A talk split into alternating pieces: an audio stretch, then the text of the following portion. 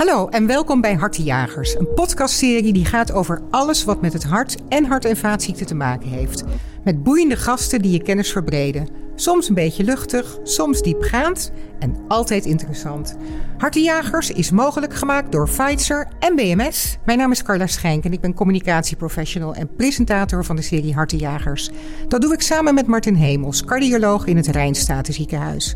Ja Martin, leuk om weer samen met jou op jacht te gaan naar kennis en informatie die met het hart en met cardiologie te maken heeft. Ja, zeker. En vandaag een uh, bijzondere gast. Dr. Janneke Wittekoek, cardioloog en directeur van HeartLife. Een expertisecentrum voor hart en gezondheid. En Janneke is gespecialiseerd in het vrouwenhart. Ja, Janneke, welkom.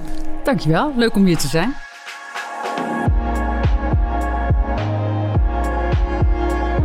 ...90% van de, de takotsubo's of van de gebroken harten zijn vrouwen. Er zijn ook wel echt studies gedaan waarbij naar voren komt dat vrouwen echt wel stressgevoeliger zijn dan mannen.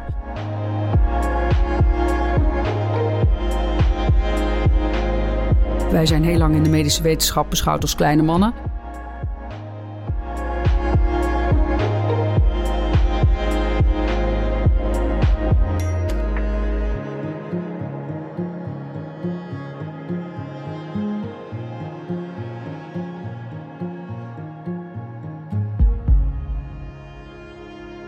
Ja, we zijn natuurlijk heel benieuwd naar alle kennis die jij uh, met ons gaat delen. Maar we zijn ook benieuwd, wat voor type mens ben jij nou? Ja, nou een heel optimistisch en misschien wel een klein beetje activistisch mens wat dat betreft. Uh, dat is natuurlijk ook niet voor niks.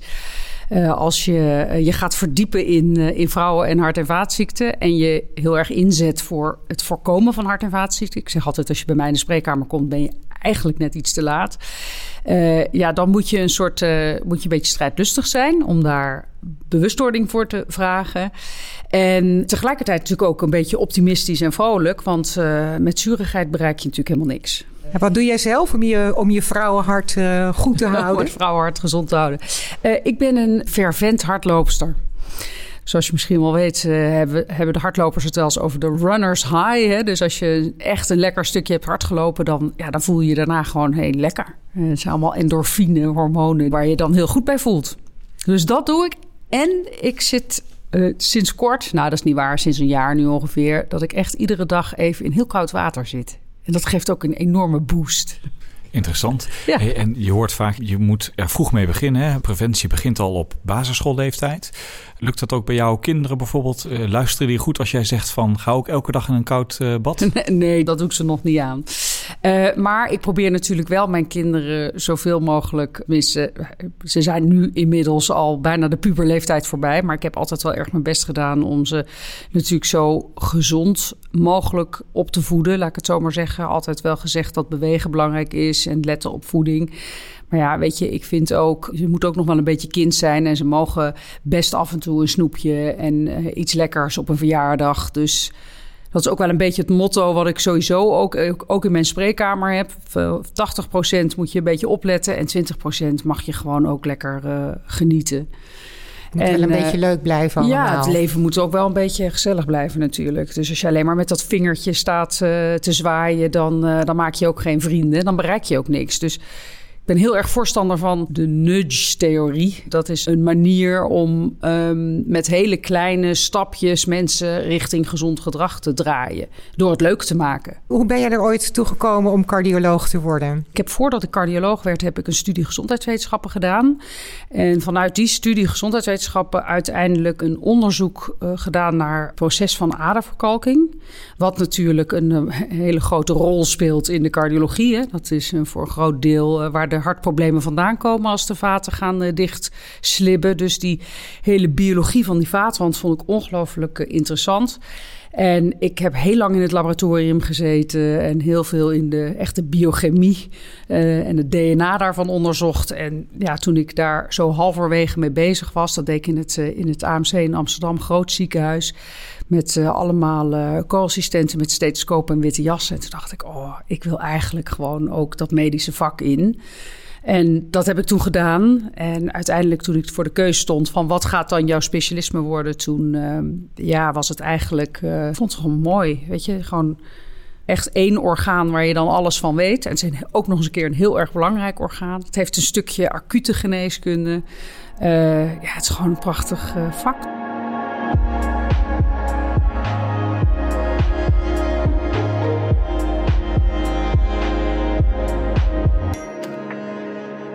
We praten vandaag met Janneke Wittekoek. Zij is cardioloog en directeur van HeartLife, een expertisecentrum voor hart en gezondheid. Vandaag gaan we inzoomen op stress. Wat is eigenlijk stress? En welke invloed heeft het op hart- en vaatziekten? Ja, dat vind ik eigenlijk wel een hele goede vraag. Stress is eigenlijk een verzamelnaam voor ongezonde spanning. Het is met name de negatieve energie die zo'n slechte invloed heeft op ons hart- en vaatstelsel. En is er dan ook verschil tussen stress bijvoorbeeld door werk of stress veroorzaakt door een privé-situatie? Nou ja, zeker als je gaat kijken naar de stresssyndromen die wij kennen binnen de cardiologie, dan hebben we natuurlijk een bepaald soort aandoening wat het gevolg is van, dat noemen we het gebroken hartsyndroom. Dat is een, met een, met, in de cardiologie heet het een takotsubo. Dat is een, eh, de naam van een eh, Japanse viskruik, een takotsubo. En dat is de vorm die het hart gaat aannemen als het een um, overdosis krijgt aan stresshormonen. Een gebroken hart, dan denk ik aan de liefde. Ja, nou ja, dat is. Hè, dus, dus met dat soort heftige emotionele gebeurtenissen, bijvoorbeeld door het verlies van een dierbare. Uh, je ziet ook dat er meer van dit soort gebroken harten voorkomen in gebieden waar bijvoorbeeld natuurrampen zijn uh, geweest. Dat kan leiden tot zo'n heftige stressrespons in het lichaam, met een soort uitstort van adrenaline en nou ja, noradrenaline. En dat kan dan een direct verlammend effect hebben op de hartspier.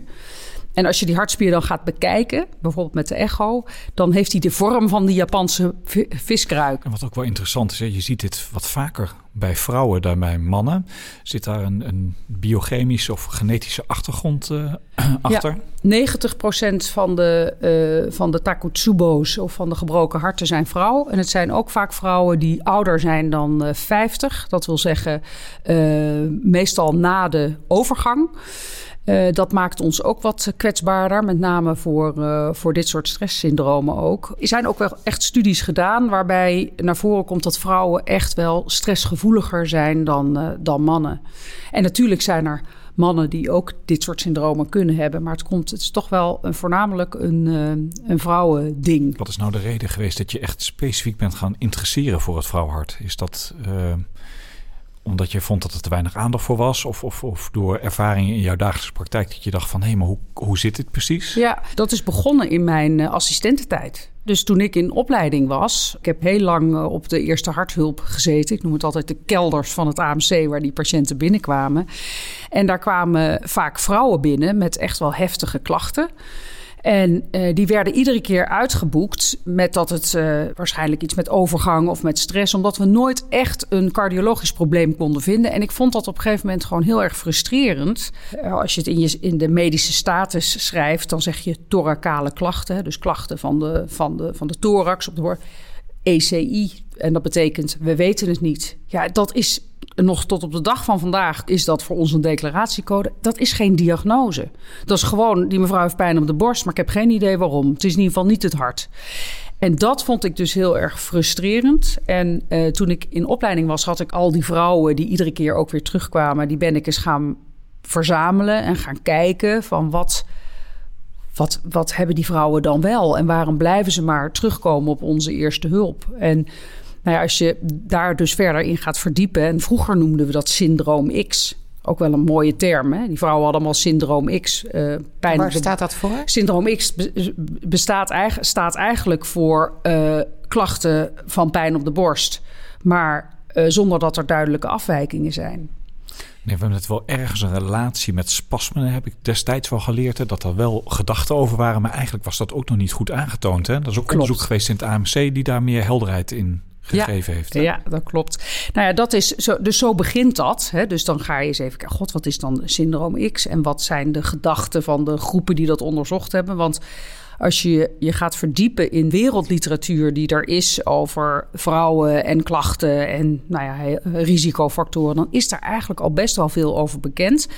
Uh, met name in Amerika is heel veel onderzoek gedaan. Ik heb daar heel veel van afgekeken. Begin jaren negentig zijn zo'n beetje de eerste uh, studies uh, verschenen. En toen werd geopperd van ja, die vrouwen hebben geen pijn op de borst omdat er een bloedvat rond het hart dicht zit. Maar die hebben klachten omdat dat bloedvat heel erg gaat knijpen. Waarom gaat zo'n bloedvat knijpen? Als je dat verder gaat onderzoeken, dan heb je een, uh, een hele grote categorie vrouwen die verkrampingen of dat knijpen van de bloedvaten krijgen, omdat ze een klein beetje aderverkalking hebben nog zo weinig dat wij het niet goed zien uh, in onze onderzoeken of kan nog niet gedotterd worden. Dan ben je al snel als cardioloog, als je niet kan dotteren, dan is het vaak al niet meteen interessant. Maar wat we geleerd hebben van, van waar we nu staan, is dat dat hele kleine beetje aderverkalking bij die vrouwen in eerste instantie leidt tot een functioneel vaatprobleem. Dus die vaten gaan eerst knijpen. Dus dat zijn, is een heel gek klachtenpatroon. Als je dat niet goed herkent en niet goed behandelt, dan is de kans dat ze binnen een paar jaar een dichtgeslipt bloedvat uh, hebben, is ongeveer vijf keer hoger dan vrouwen die dat niet hebben. Nee, dat is wel heel interessant, hè? Want, want risico, de klassieke risicofactoren. We zeggen wel eens, hè, de vrouwen beginnen steeds meer op mannen te lijken. In de zin van dat hè, uh, vrouwen meer aan stress uh, blootgesteld zijn hè, door, door werk. Uh, aan de andere kant roken. Zie je nog steeds dat relatief meer vrouwen zijn gaan roken vanuit het verleden. En de mannen juist weer wat minder. En dat triggert mij wel dat je precies zegt, het is een soort marker. Hè, vrouwen die wat ongezonder levensstijl hebben die hebben eerder dit soort klachten. Maar dat is dan juist het moment dat je daarmee aan de gang moet. En dat lukte ons in het verleden niet, omdat we niet wisten hoe we daarmee om moesten gaan.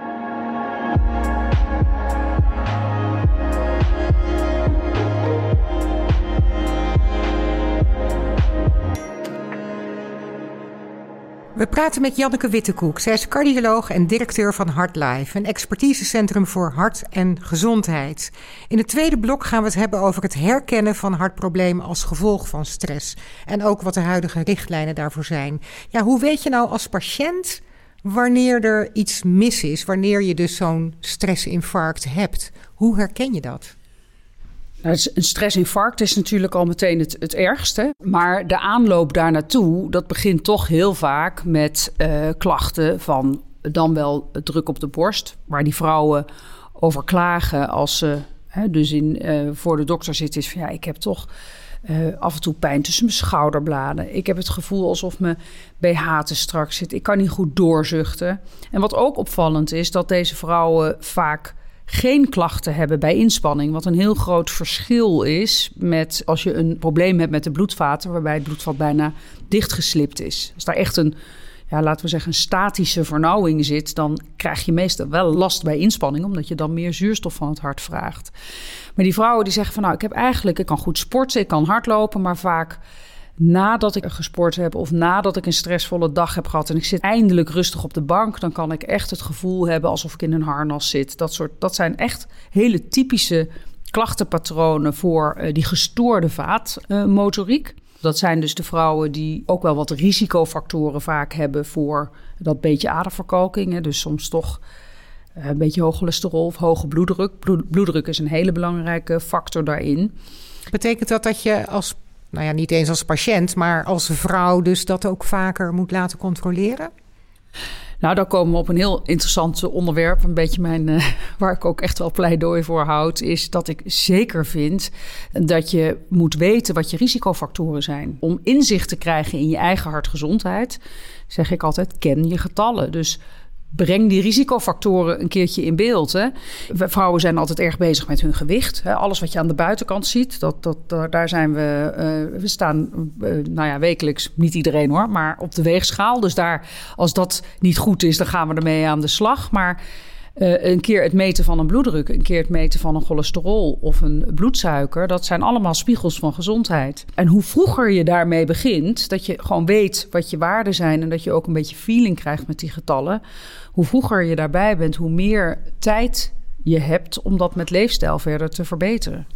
Dus Ja, ik vind dat heel erg belangrijk. Ik, ik was vorige week op een congres met allemaal met de 200 vrouwen. En ik uh, vroeg wie weet hier wat zijn cholesterolgehalte is. En uh, ik denk dat 80% van de vrouwen hun vinger op staat dat ze het niet wisten. Nou, daar schrok ik eigenlijk een beetje van. Laat dat nou gewoon een keer bepalen. Is een hele belangrijke risicofactor. Maar goed, wanneer wordt zo'n stap gezet? Hè? Ik bedoel, als zoiets niet in een NAG-richtlijn staat... Hè, en je weet ook, hè, de huisartsen zijn grotendeels terecht kritisch op screenen. We willen als, als specialisten soms wel eens proberen alles te voorkomen... en we moeten er korter op zitten.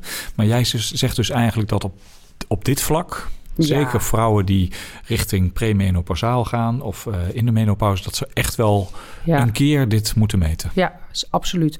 En dan kom ik terug op die klachten van die verkrampingen van die bloedvaten.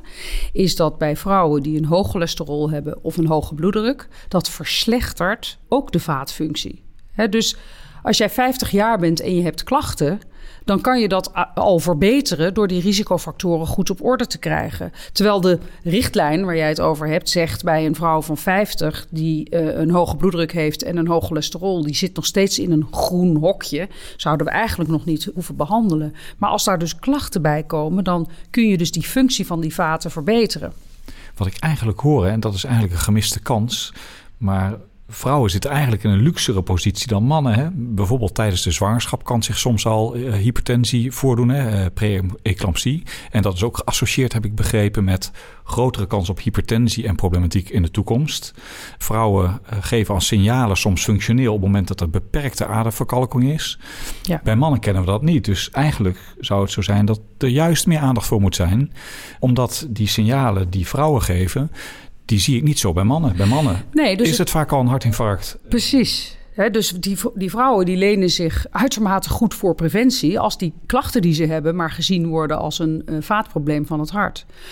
Maar wat ik nog belangrijk is, want we, we hebben het natuurlijk ook heel erg over stress, is we, je hebt die vaatfunctieverslechtering gewoon op basis van de, wat we noemen de klassieke risicofactoren.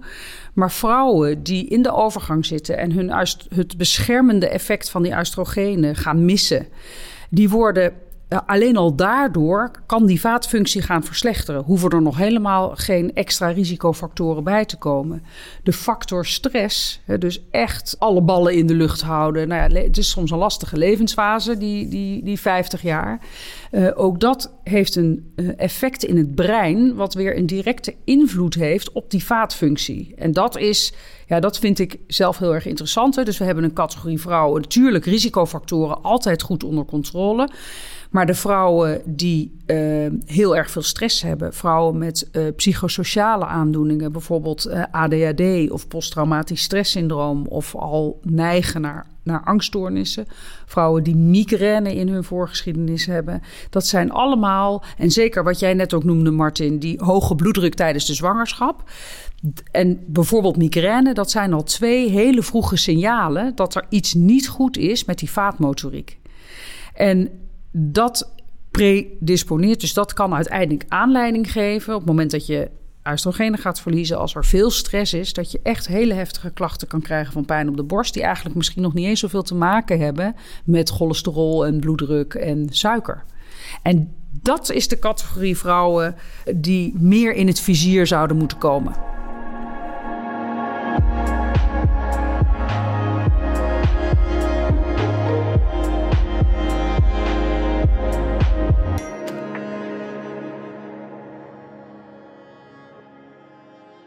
We praten vandaag met Janneke Wittekoek. Zij is cardioloog en directeur van HeartLife, een expertisecentrum voor hart en gezondheid. In het derde en laatste blok gaan we het hebben over de toekomst. Wat moet er gebeuren om dit te voorkomen? Zowel bij patiënten als ook bij cardiologen, denk ik, en bij huisartsen waarschijnlijk al. Ja, je hebt het in het ander al verteld over hè, preventie of vroegtijdig ingrijpen. Maar wat mij nog intrigeert, kunnen we iets met die oestrogenen? Moeten we iets bijsturen? Uh, want dat vind ik altijd zo moeilijk. Want ik heb ook begrepen dat als jij dat soort interventies doet, dat het ook weer hoger risico kan geven, bijvoorbeeld op de maligniteit. Kun je daar iets meer over vertellen? Ja, we hebben tot nu, zeker als je het hebt over hormoonsuppletie, want uh, als we die uh, de schuld gaan geven van alles, wat we natuurlijk altijd graag doen, als onze hormonen zijn uh, nogal grillig, dan is dat geen goed idee. Hè. Dus we moeten geen hormonen gaan voorschrijven als we dat willen doen om hartgezondheid te verbeteren. Hormoontherapie moet wel ingezet worden als deze vrouwen heel veel last hebben van overgangsklachten dus bijvoorbeeld vasomotorenklachten, dus vrouwen die heel veel opvliegers hebben, uh, vrouwen die heel veel zweetaanvallen hebben, vrouwen die angstgevoelens hebben, dus echt overgangsklachten hebben. En op basis daarvan een uh, vaatprobleem ontwikkelen rond het hart, want dat zie ik ook heel veel in mijn praktijk. Dan kan ik medicatie gaan voorschrijven om die bloedvaten wijder te maken of, of wijder te houden. Daar hebben wij allerlei uh, medicijnen voor. Maar dan is vaak zo'n vrouw beter geholpen met uh, hormoonsuppletie. Hoe lang kan je dat blijven voorschrijven? Nou, dat mag je ongeveer een jaar of vijf mag je dat voorschrijven. Er is één studie uh, in het verleden geweest uh, waar inderdaad een, een uh, wat verhoogd risico was op kanker, hè, op borstkanker, op ijstelkanker.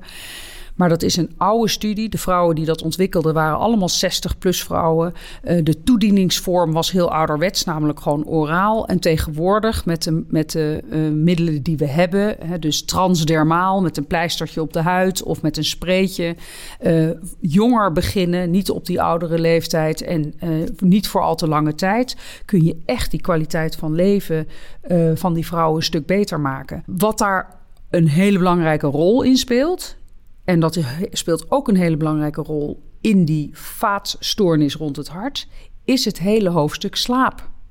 Want wat is er met slaap? Nou ja, we begonnen eigenlijk deze podcast met van wat doet stress? Hè? Van nou, we kunnen best wel wat stress kunnen we handelen als we maar uh, goed uitrusten en onze energieniveau behouden. Maar wat je op het moment dat jouw slaappatroon gestoord raakt, hè, dus je gaat echt omdat je ligt te piekeren of omdat je tien opvliegers hebt per nacht, dan word je dus dat hele zenuwstelsel komt in een, in een hogere staat van paraatheid. Je veerkracht neemt af. En daarmee gepaard gaande zie je ook dat die motoriek van die bloedvaten ernstig verslechtert. dus dat je voelt al dat. Waardoor je dus weer klachten ontwikkelt, zoals je net uitlegde. Precies. Dus waar moeten we in de toekomst naartoe? Ik denk dat we, dat we eh, vanuit de cardiologie zeker natuurlijk wel de focus moeten hebben op dichtgeslipte bloedvaten op basis van de klassieke risicofactoren. Maar in deze nieuwe wereld, 24-uurs-economie, moeten we ook veel meer aandacht hebben voor psychosociale uh, problematiek. Goed inventariseren aan hoeveel negatieve stress iemand is blootgesteld. In welke levensfase zitten de dames en hoe is hun slaapkwaliteit? En dat gebeurt eigenlijk, denk ik, zonder dat oneerbiedig te laten klinken, dat is gewoon nog een beetje een, uh, een onderbelicht terrein. Want wij denken toch nog heel veel in atherosclerose door cholesterol. Even heel erg kort door de bocht. Voor mij klinkt dit allemaal zo logisch wat je nu vertelt. En in het begin legde je uit dat je toch wel een beetje op de barricade moet staan om dit verhaal bekend, om hier bekendheid aan te geven. Hoe komt dat eigenlijk? Dat dat nog zoveel aandacht ja, nodig heeft, ook binnen de cardiologie. Ik denk de, de bewijslast, we, vanuit de cardiologie was altijd evidence-based medicine. En vroeger kregen mannen vaak eerder hart- en vaatziekten, omdat ze meer blootgesteld waren aan risicofactoren. En met name roken was daarin een belangrijke factor. Dus heel veel onderzoek naar atherosclerose is ook gedaan bij grote groepen mannen. En dat vind ik ook weer een interessante vraag naar Janneke, want een deel van de mensen heeft uh, baat bij hormoontherapie, maar er is ook een deel die heeft met de klassieke medicatie heel erg veel baat. Hè? Dus de statines. Eh, Heb je het over vrouwen nu of over, ja, over mannen en met name vrouwen?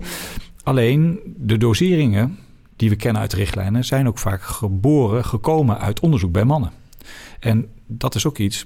Vrouwen reageren ook vaak anders op medicatie dan mannen. Hè? Ja, Daar zit ook nog een ingewikkeld probleem. Ik ben heel blij dat je dat nog even aanboort, Martin. Want uh, dat is natuurlijk ook uh, waar ik natuurlijk ook heel erg druk over maak. Is zeker, hè, we, om antwoord te geven op, op jouw vraag, Carla. Ja, zeker. Uh, wij zijn heel lang in de medische wetenschap beschouwd als kleine mannen. Ook de dosering en alles wat er in de richtlijnen staat, dat is tot op de dag van vandaag. Ik keek vorige week nog naar een webcast over nieuwe cholesterolverlagers. 60% zijn mannen in zo'n studie. En als je kijkt naar uh, hoe wij verschillen, alleen al qua lichaamssamenstelling, qua uh, maaglediging, uh, filtratiesnelheid door de nieren, allerlei zaken die een belangrijke rol spelen in farmacokinetiek, dus het verwerken van een medicament. daar wordt eigenlijk helemaal geen rekening mee gehouden. Met als gevolg dat 60% van de vrouwen ook meer, meer bijwerkingen ervaart kan ervaren bij, uh, bij medicijnen. Dus dat zijn zeker zaken die aangepast uh, moeten worden. Ik ben het ook met Martin eens en daarom gaat het nog niet zo snel. We hebben nu in ieder geval over de bühne dat die verschillen er zijn. Maar nu moet het allemaal onderbouwd gaan worden met echt uh, wetenschap en grote getallen. Dus dat moet overgedaan worden. Er moeten grote trials gebeuren met vrouwelijke proefdieren en grote trials met vrouwen. En dan kunnen we met die wetenschap protocollen en richtlijnen eventueel gaan aanpassen. En we zien het natuurlijk al wel in onze praktijk, maar we moeten nu de wetenschappelijke bewijsvoering gaan krijgen. En die is er wel vanuit kleinere studies, maar dat moeten ook grotere trials gaan worden. Wat gaat jouw rol hierin zijn? Nou, ik blijf vooral aan de bel trekken dat dat moet blijven gebeuren. Ik denk dat als je kijkt naar wat wij weten van uh, hormonale invloeden op ziekteprocessen, dat dat nog veel te weinig is. Als je ook gaat kijken naar het percentage vrouwen bij de, wat rondloopt op polyklinieken of in de GGZ zit, omdat ze klachten hebben die niet goed begrepen worden, dan denk ik dat, uh, uh, dat er nog heel veel werk aan de winkel is om dat verder te onderzoeken en die vrouwen een goede diagnose te geven. In plaats van ja, een soort uitsluitgeneeskunde waar we nu in zitten. Van het is niet je hart, het zijn niet je darmen, het is niet je hoofd, het is niet.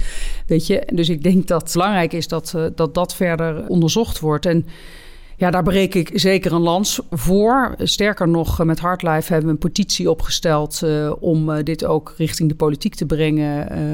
Uh, die inmiddels ook al in korte tijd door 15.000 vrouwen is ondertekend. Die dus ondertekenen dat ze lang in het medisch circuit rondlopen zonder een duidelijke diagnose.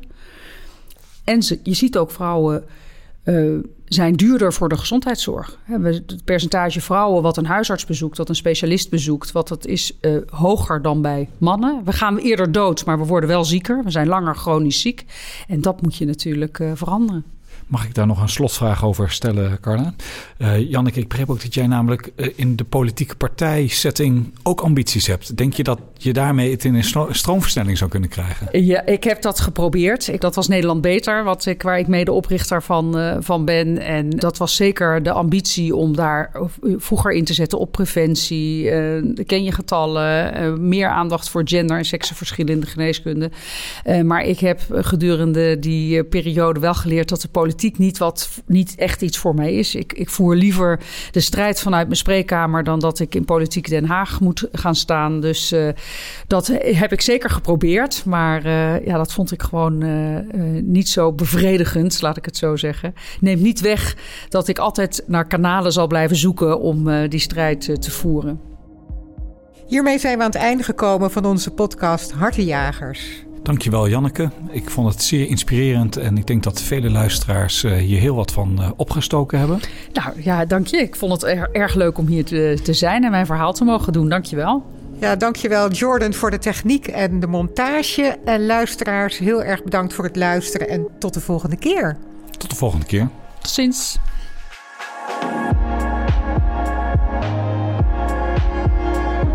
Volg ons verder in onze jacht naar antwoorden die helpen om hartproblemen te voorkomen en te behandelen. Kijk voor meer informatie op www.beroertepreventie.nl. Hartenjagers is mogelijk gemaakt door Pfizer en BMS. Doorbraken die de levens van patiënten veranderen.